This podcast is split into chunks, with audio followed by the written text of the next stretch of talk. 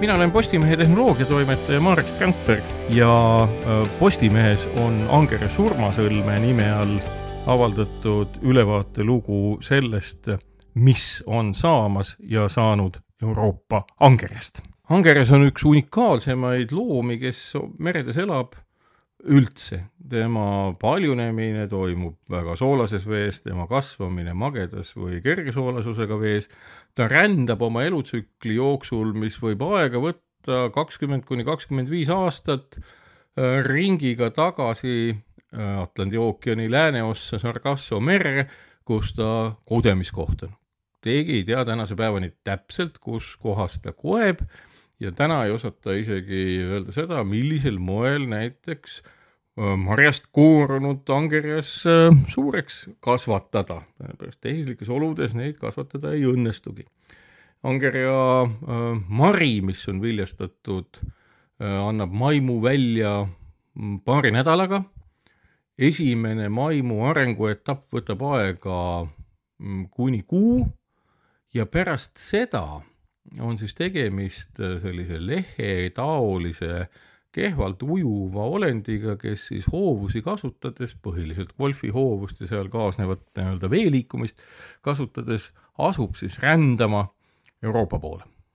seda läbipaistvat elukat nimetatakse leptotsefaaliks, kes siis Euroopa külje alla jõudes muundub selliseks pisikeseks läbipaistvaks ussikeseks, kelle nimi on klaasangerjas. klaasangerja omakorda Äh, selle vastu huvi näitavad üles erinevad äh, riigid, kus elavad rahvad on seda ammust aega kasutanud nii-öelda delikatessina ja söönud.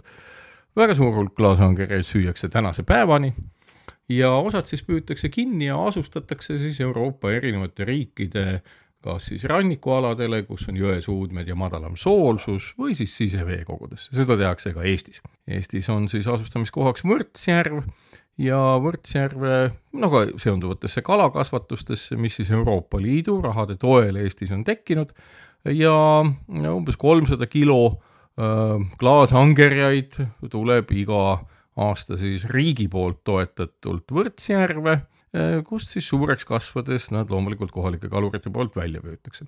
milles on probleem ja miks populatsioon hävib, ongi see, et ega ühtegi teist kohta klaasangerjate saamiseks kui Sargasso meri ei ole ja nüüd äh, Eestis tehakse seda viiekümnendatest aastates alates, kuna Narva jõele ehitati hüdroelektrijaam ja sealt enam angerjad loomuliku rände teel siis järve ja, ja Emajõkke ja siis ka Võrtsjärve ja kuhu iganes Eestis ei jõua. Ja selline kunstlik asustamine oli valdavalt siis tehtud selle tõttu, et kalurid saaksid oma tegevust jätkata.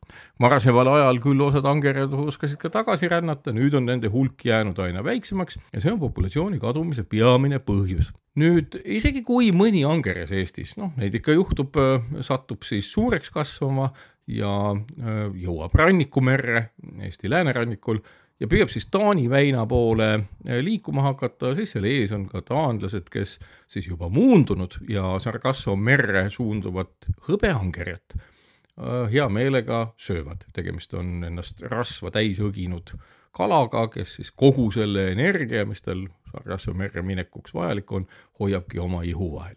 ja tulemuseks ongi see, et Euroopa Liit ühtepidi tunnustades ja tunnistades seda, et angerjas on ohus, äh, samas toetab angerjakasvatuste tekkimist, angerjas on delikatess, ütlevad ka eestlased, ainsana eurooplastest, kes vist ei söö angerjat, on norralased kes arvavad, et äh, noh, tõenäoliselt siis kristlike mõjude tõttu, et kõikvõimalike madudelaadsete loomade söömine ei ole kõige mõistlikum asi ja nad ei söö tõepoolest angerjat, kõik muud rahvad, sealhulgas ka eestlased, söövad. ja nüüd asjaolu, et lõigatakse läbi allikas on ikka sama ju kõikidel angerjatel, seesama klaasangerjas, kes leptotsefaalist muundununa pärineb ikkagi Sargasso merest ja ei kusagilt mujalt ja see ökoloogiline surve, mis on sellele liigile, on talumatult suur ja selle populatsioon väheneb. see on kaasas käinud kalakasvatustega, kaheksakümnendatel aastatel asuti erinevates Euroopa riikides kalakasvatusi looma. Äh, ja sellest ajast alates on siis äh, nii-öelda vabalt püütud, kalurite poolt püütud angerjate hulk vähenenud märkimisväärselt kahekümnelt, kolmekümnelt tuhandelt tonnilt aastas mõnele tuhandele tonnile aastas ja hüppeliselt kasvanud kalakasvatustest saadavate angerite hulk, see on umbes saja tuhande tonni kanti aastas, vähemalt oli see niimoodi kahe tuhandendal, kahe tuhande kümnendal aastal seal vahemikul. ja nüüd ongi, et ega dilemma on suur, et kas nii-öelda angerite asustamine Eestisse sel moel, et sel moel, et keegi neist nagu tagasi ei jõua ja enamus neist ära süüakse, on ikka kõige ökoloogilisem, mõistlikum ja inimesepärane käitumine.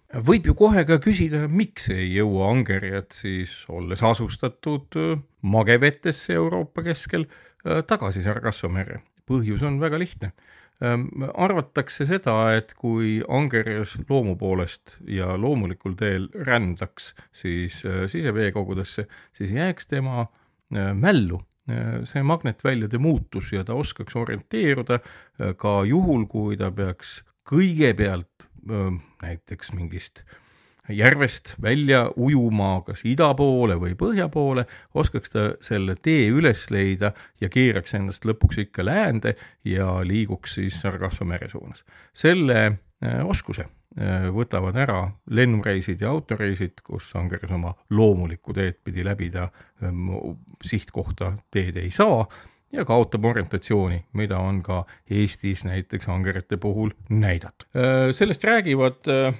Postimehe arvamusloos Angerja surmasõlm, miks on ühe unikaalseima kalaliigi tuleviku ohus, erinevad kalateadlased, ametnikud, kalakasvatajad ja sellest saab parema pildi, mis Euroopa angerjaga tegelikult toimub. ja olgu veel kord öelnud, tegemist on väga unikaalse ja ülimalt austusväärse kalaga, kelle olemasolu planeedil on olnud tõenäoliselt sadu miljoneid aastaid ja nüüd siis viimase mõnekümne aastaga on inimene oma majandamisega teinud angerjale otsese karuteene. aga lugege täpselt.